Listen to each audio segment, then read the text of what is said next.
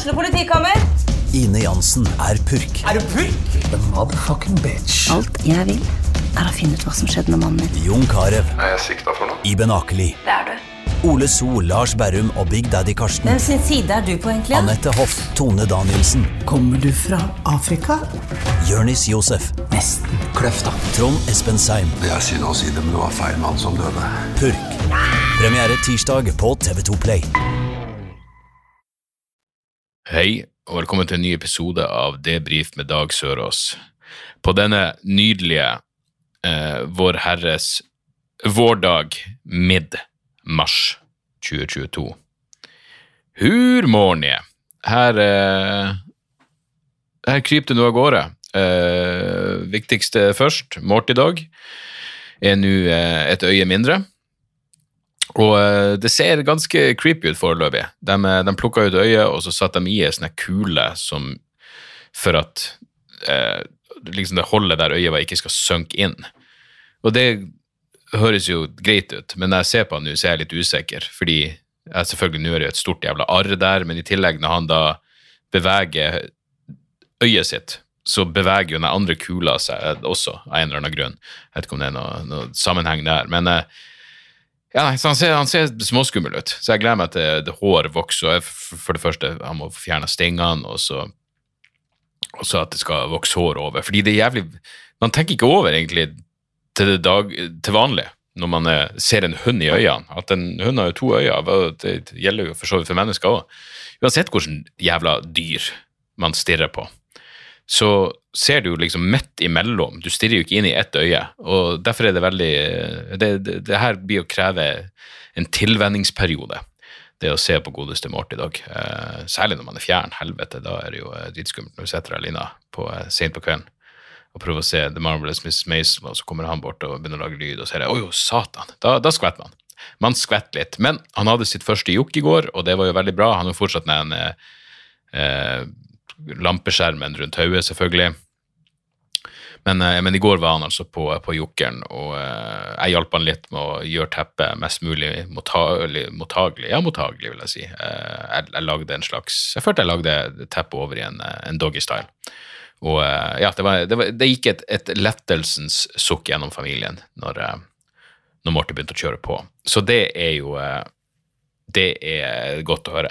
Ellers hadde jeg en sånn Altså, folk som snakker høyt sammen på venterom.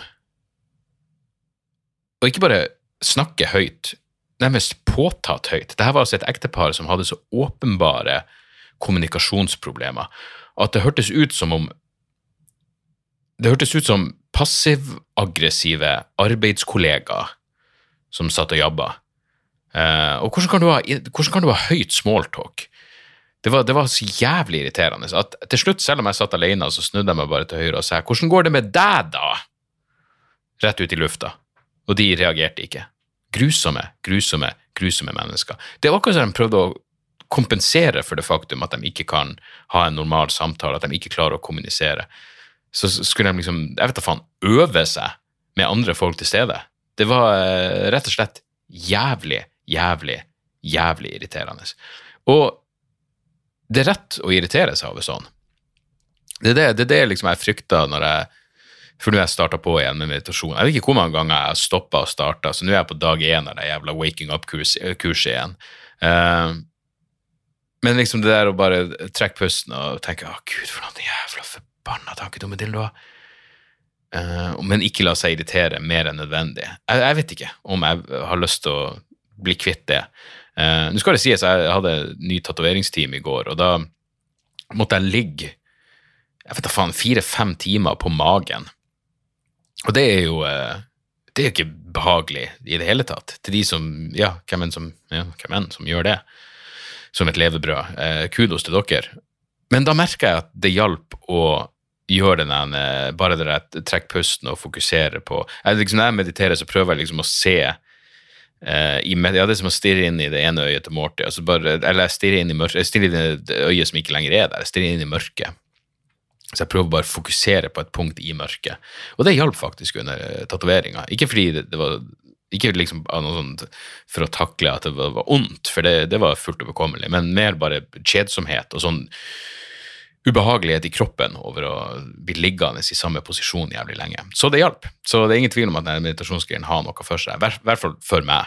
Eh, så eh, nå er jeg i gang. Eh, men allerede så Dag én av kurs igjen starta opp i går, før jeg dro på tattistimen. Og så har jeg satt på sånn en daglig påminnelse, og i dag når jeg fikk den påminnelsen, så ble jeg bare irritert. Og jeg har fortsatt ikke gjort det i dag, så ja, det ble vel med den ene dagen. Men fuck it. Det er rart. Noe du vet hjelper deg. Det klarer jeg ikke å sette ti minutter for å gjøre. Og det er jo Det sier mye og mye, men mye er fortsatt uvisst i forhold til nøyaktig hva det sier noe om. Uansett, hva har skjedd ellers? Ehm, jeg var på Louis C.K. på søndag i Folketeatret. Og det var jo eh, Han har jo eh, lenge vært en av, mine mm, favoritter, gjennom, eh, også gjennom turbulente tider. Eh, jeg var, eh, skal vi se, når var det her? På tirsdag så gjorde jeg et show, jeg gjorde et sett på Revolver i Oslo. Og det er jo en herlig rockebule. Det er et eller annet med når du er på en backstage hvor det bare er eimen av dop og frivillig og ufrivillig sex sitter i veggene. Eh, Så det er, en kul plass, og de har åpna en klubb der, og jeg testa ut noe greier. Men da prata jeg med noen andre komikere, og så sa de at det var noen som fikk hjerteinfarkt under showet. fordi en, Jeg husker at det var en fyr som røyste seg opp, og eh, jeg lurer på om han var på første rad til og med, og så begynte han å gå, og så gikk han litt sakte og rart. Han holdt seg for brystet, han var i ferd med å fucking stryke med. Så Louis C.K. begynte å gjøre narr av han og bare å, han tar sin tid.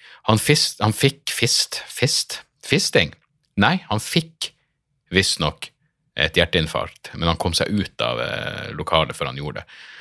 Eh, så vi bare begynte å prate om liksom, ja, hva hvis han hadde daua det siste. Det minner meg om da, da jeg filma eh, mitt show Kognitiv dissonans, så var det en fyr som fikk et illebefinnende, og han tryna i Altså, han gikk i bakken sånn at du ser det på opptaket at kamera Det var et stasjonært kamera som bare sto, du ser at det rister.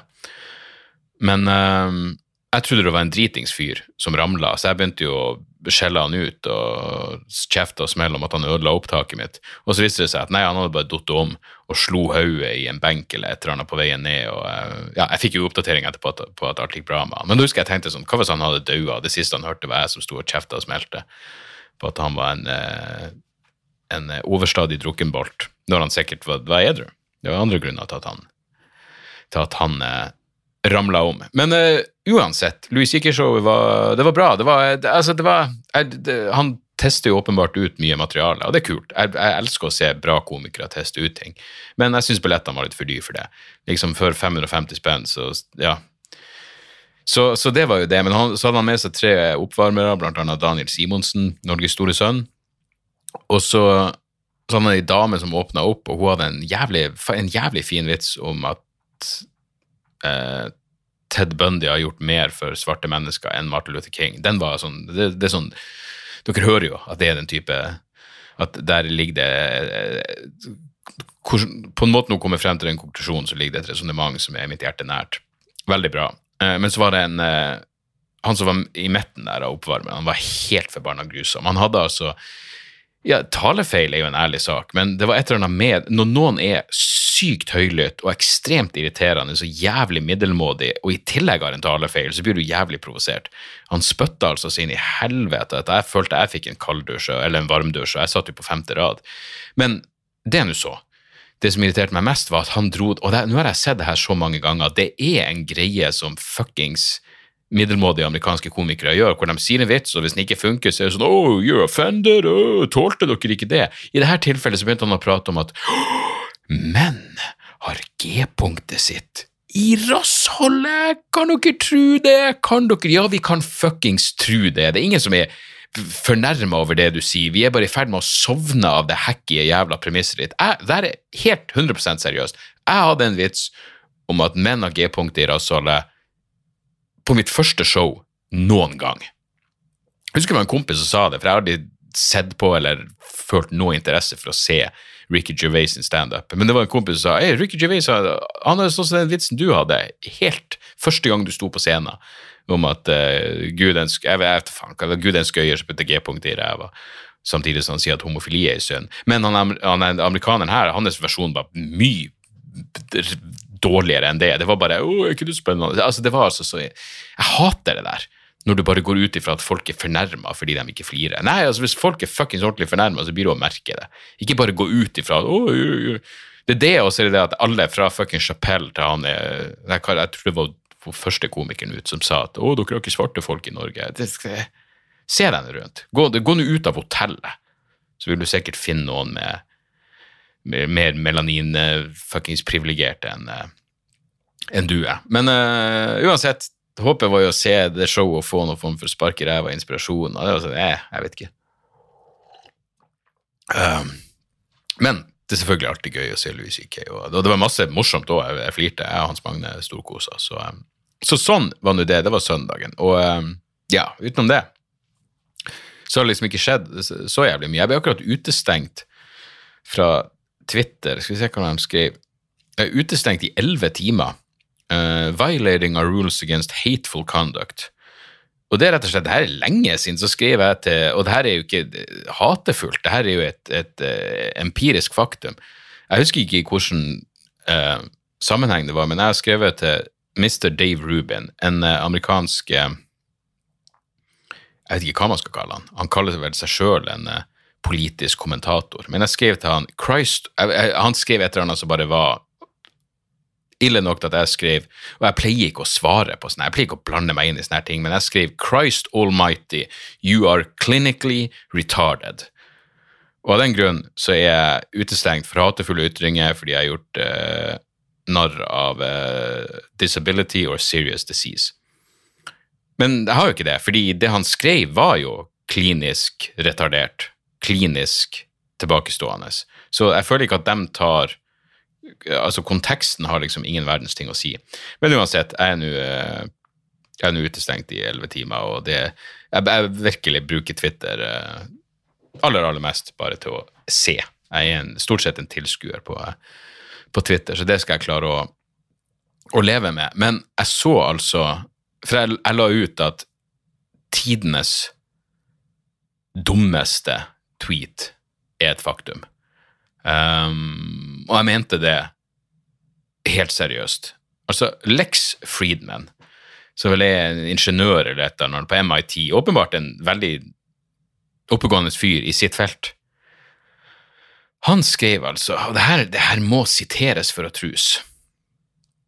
Uh, jeg gidder ikke å gi Twitter-navnene, men det han skriver I invite Zelensky and Putin each to have separate podcast conversations with me.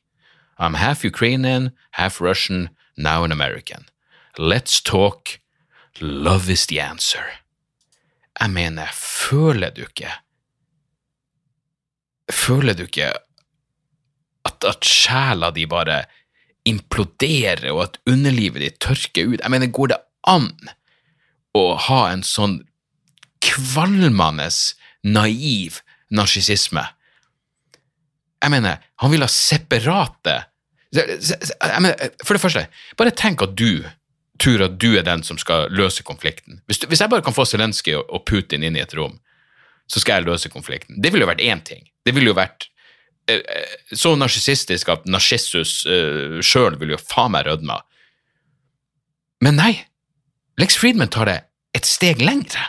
Han skal ha separate samtaler med dem, og fortsatt lø løse konflikten. Fordi love is the answer. Altså, love is the answer. Når du har med å gjøre med folk som med fullt overlegg bomber gravide kvinner og barn. Men kjærlighet! Det er kjærlighet. Og selvfølgelig så var det en Rogan-fan eh, som skrev til meg etter at jeg la ut at dette er tidenes dummeste tweet. Og han, han, han, han heiv seg inn på en uh, tight andreplass. Han skrev Hva faen var det han skrev for noe? Hva er dumt med å ha en samtale? Eller dumt? Jeg må ikke si dumt, jeg må slutte å si dumt, for dumt er visstnok en sossatt måte å si dumt på. Hva er dumt? Så da sier, vi, han, da sier han er dumt. Hva er dumt med å ha en samtale? Ser ikke helt ærlig hva som er så dumt, dumt med denne tweeten. Har du blitt warmonger? Så jeg svarte du har Joe Rogan som profilbilde, så jeg burde ikke forvente mer av denne kommentaren. Men jeg har mer tro på diplomati enn podkast når det kommer til internasjonale konflikter. Om det gjør meg til en krigssisser, får andre avgjøre. Jesu navn. Det er noen dumme folk der ute. På samme måte som jeg la ut at eh, Biden kaller Putin krigsforbryter, så skrev jeg hei, det heter spesialoperasjonforbryter, forbryter, Biden, skjerp deg.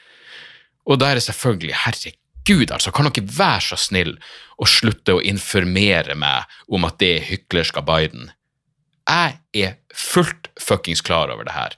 Jeg er bare så sinnssykt lei av det som de kaller og jeg, jeg, jeg påpekte det til en, så skrev det her er, ikke kom med den forutsigbare whataboutism din. Og jeg, vet ikke om det er, det er sikkert en norsk oversettelse på det, men det er whataboutism. The technique or practice of responding to an accusation or difficult question by making a counter-accusation or raising a different issue. Så Putin en krigsforbryter som burde henges etter Nürnberg-forskrifta og prosessen, etter logikken i Nürnberg-prosessen. Uten tvil. Men hva med Biden? Ja, men nå snakker vi om fuckings Putin. Jeg er altså så jævla lei av det her.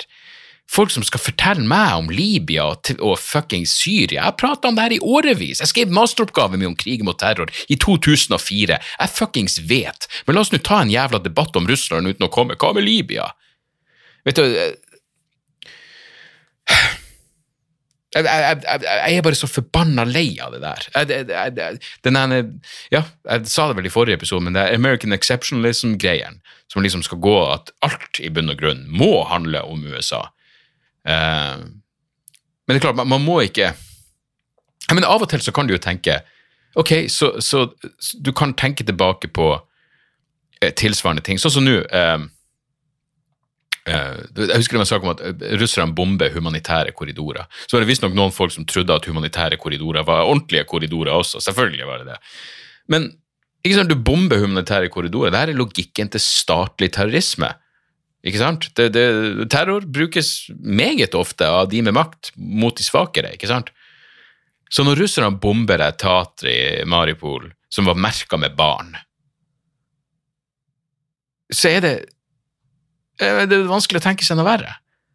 Men da begynner jeg selvfølgelig også å tenke sånn Ja, det er faen, det minner meg om liksom, Jeg husker jo, jeg, jeg vet jeg nevnte før, men jeg var på et Erik Fosse-foredrag hvor han prata om eh, en av de gangene han var i Gaza. Jeg vet ikke om det var eh, Var det i 2009 eller 2014? Jeg husker ikke. Det, det, det står sikkert i den boka 'Øyne i Gaza', men i hvert fall, han prata i det foredraget om at eh, israelerne hadde sagt at hei, nå kommer vi til å bombe Eh, jeg lurer på om det var ei flyktningleir, og så var det ei FN-skole der. Så de sa vi kommer til å bombe flyktningleirer, så, så, alle skjønte at hei, vi må ta dekning i det FN-bygget. For det er jo merka UN, så du skal se det fra lufta. På samme måte som ukrainerne hadde merka det teatret med barn på begge sider av bygget.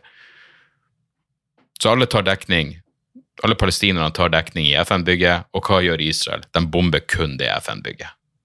Ja, det er overlagt drap. Det er kaldblodig, statlig terrorisme. Men faktum er jo, når det er Putin og Russland som gjør det, så ser de fleste av oss det her med klarere øyne. Men igjen, jeg vet ikke, det er en form for whataboutism. På ingen måte, jeg bare sammenligner noe. Men jeg er altså så inn i helvete lei av de her folkene som, som skal vri samtalen bort ja, jeg har prata en million fuckings ganger om da bakteppet for konflikter, som selvfølgelig involverer Nato og USA. Men det er ikke det vi prater om akkurat nå. Og det er, jeg, jeg klarer ikke å tenke at det er en måte å fjerne ansvaret fra fuckings Putin-regimet, fra et totalitært imperialistisk jævla fascistregime. Jeg, jeg, jeg, skjønner ikke hvorfor det her skal være ja, du, du er svart-hvitt. Nei, svart-hvitt Vel, jeg, jeg er imot krig. Jeg er imot angrepskrig. Invasjoner. Og jeg er ingen pasifist. Jeg er så jævla for at de kjemper tilbake. Um, men som sagt jeg, Hva med Biden? Hva med Biden? Det jeg egentlig ville tilbake til, var jo ideen om at du skal, at du skal, at du skal løse det her med podkaster. Jeg mener, det, det, er altså Kan du se for deg den jeg husker han jævla Eric Weinstein, en av de IDW-kukene. Han, han, var Jeg, jeg tror nesten han sa rett, rett frem at lange podkaster er liksom siste skanse i kampen mot sivilisatorisk eh, kollaps. Det er det her som skal berge oss. Jeg mener, det her er altså folk som er så inn i helvete overprivilegert og, og, har så sinnssykt mye fritid, at de tror de skal løse verdensproblemer med en fuckings USB-mic. Det er ja, nei, jeg vet ikke engang hva jeg skal si. Ja, det, de bruker ikke USB, de bruker det Shure-mikrofonene. Alle gjør jo det fordi Rogan bruker det. Så.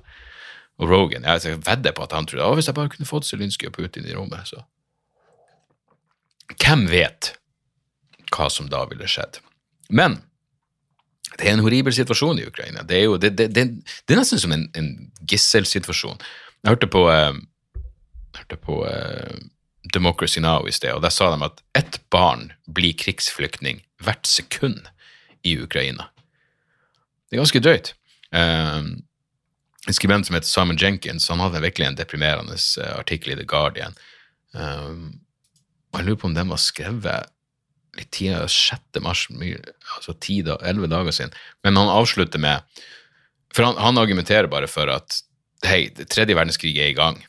Så han, skriver, han avslutter med å skrive In other words, rather than leave the fighting and the dying to Ukrainians alone, and then eventually abandon them, the Western democracy, democracies should put their air combat forces on standby, declare their intention to impose a no-fly zone, and tell the Kremlin to stop the killing.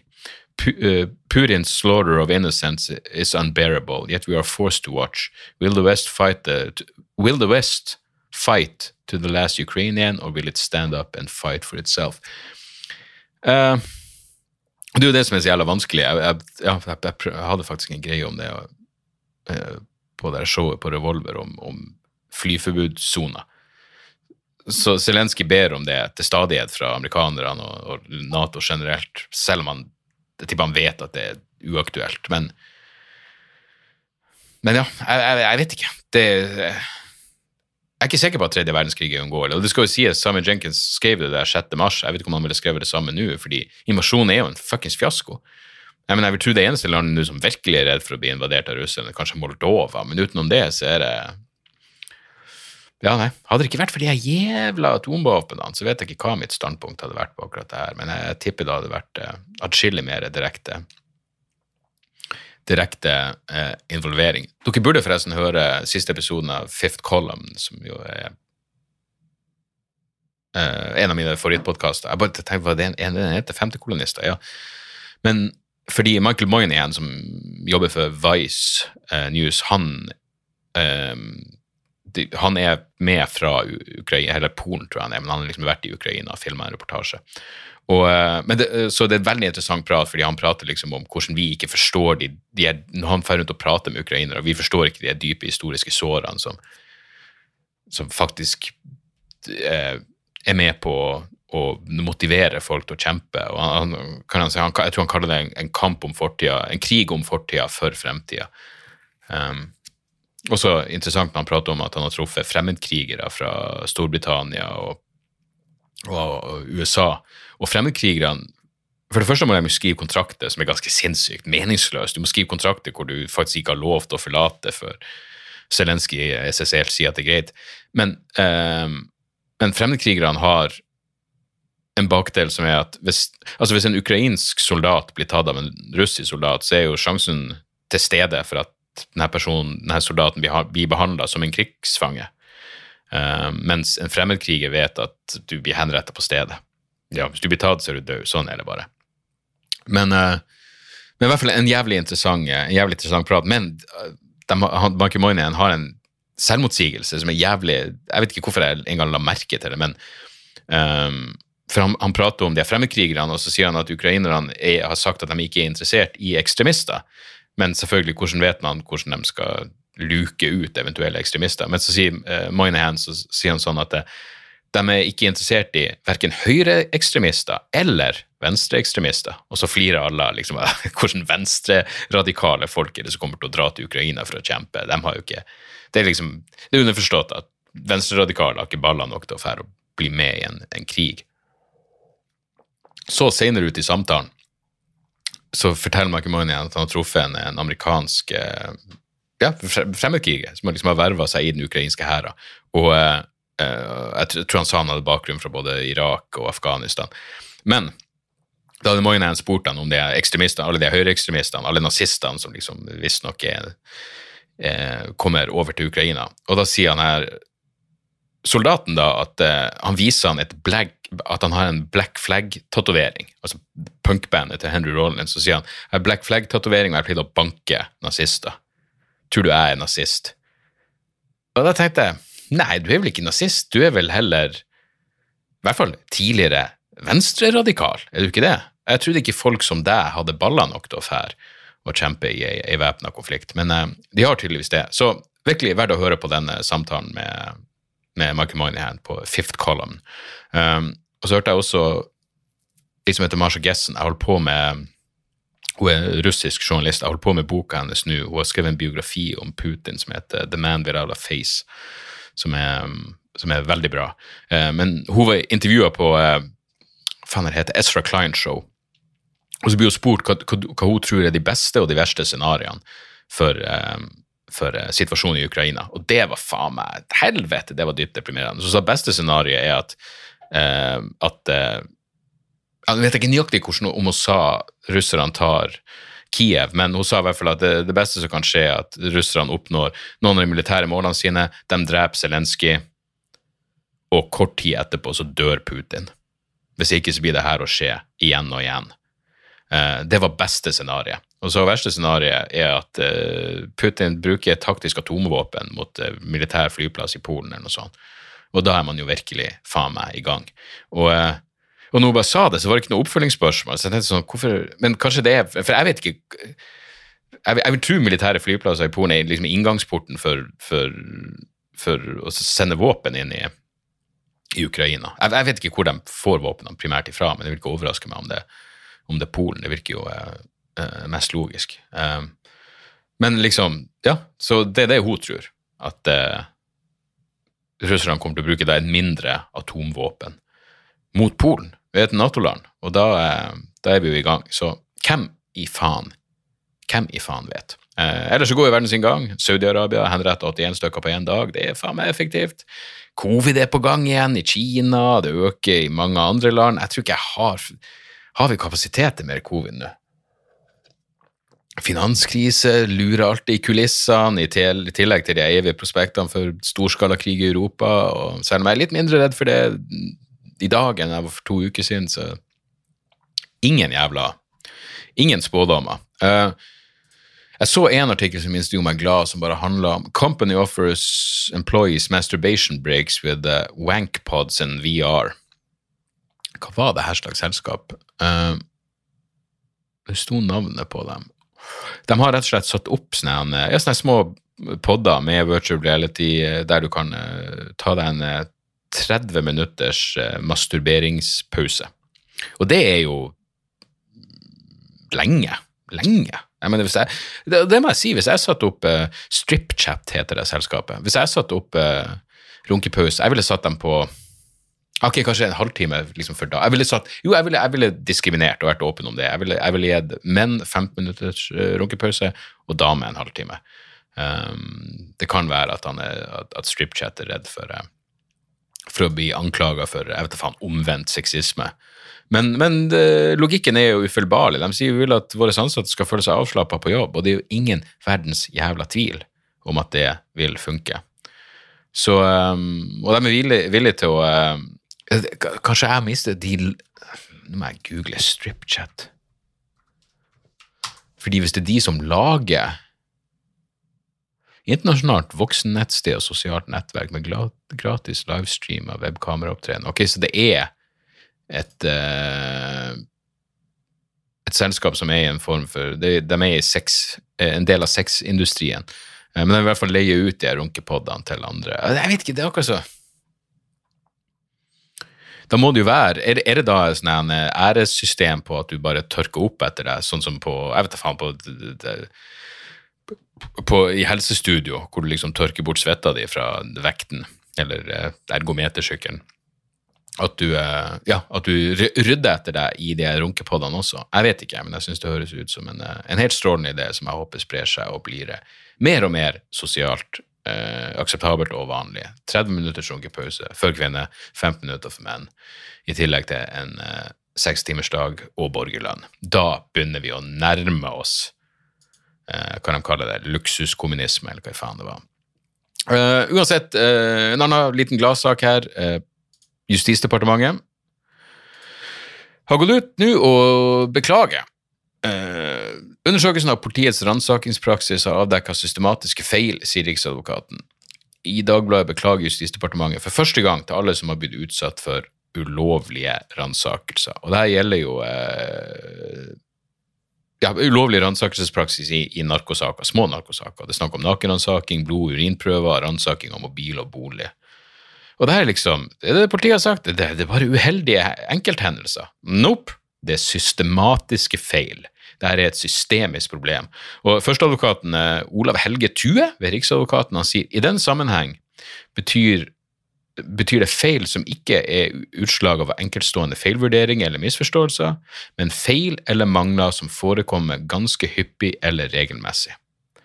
Uh, og Jeg håper jo det kommer krav om erstatning fra, fra offer for ulovlig ransaking. Og det er jo bare å rope amen til ethvert jævla krav om at politidirektør Benedicte Bjørnland må gå av som et resultat av det her. Jeg mener, Hun har jo drevet med god gammeldags gaslighting når det kommer til akkurat dette temaet. Vi, vi, vi har politisk politi i Norge når det kommer til når det kommer til droger, og det er fuckings uh, uakseptabelt. Det var en sak for noen uker siden om at Siv Jensens bikkje hadde blitt forgifta. Uh, jeg vet da faen, Hun mente at bikkja hadde fått i seg noe, noe ulovligheter. og det er sånn Forgifta, det var et sterkt ord å bruke. Men da husker jeg, da, da, sa, da var Siv Jensen sitert som å si jeg klarer ikke å bry meg om noen bruker narkotika, men ikke kast narkotika rundt omkring der bikkjer kan vandres.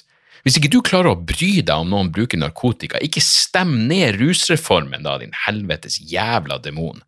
Uh, det minner meg forresten om uh, uh, Patrion. Uh, hvis dere vil ha bonusepisoder og mer til, gå, gå inn på patrion.com slash dagsoras. Jeg fikk ei melding der fra en kar som minner meg om uh, Foreninga Tryggere ruspolitikk har nemlig Skal vi se her Skal vi se om jeg får det opp.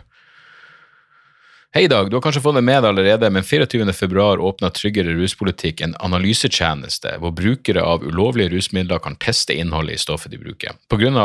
et eh, avslag på driftstilskudd fra Helsedirektoratet er de avhengige av donasjoner for å betale husleie og holde tilbudet åpent.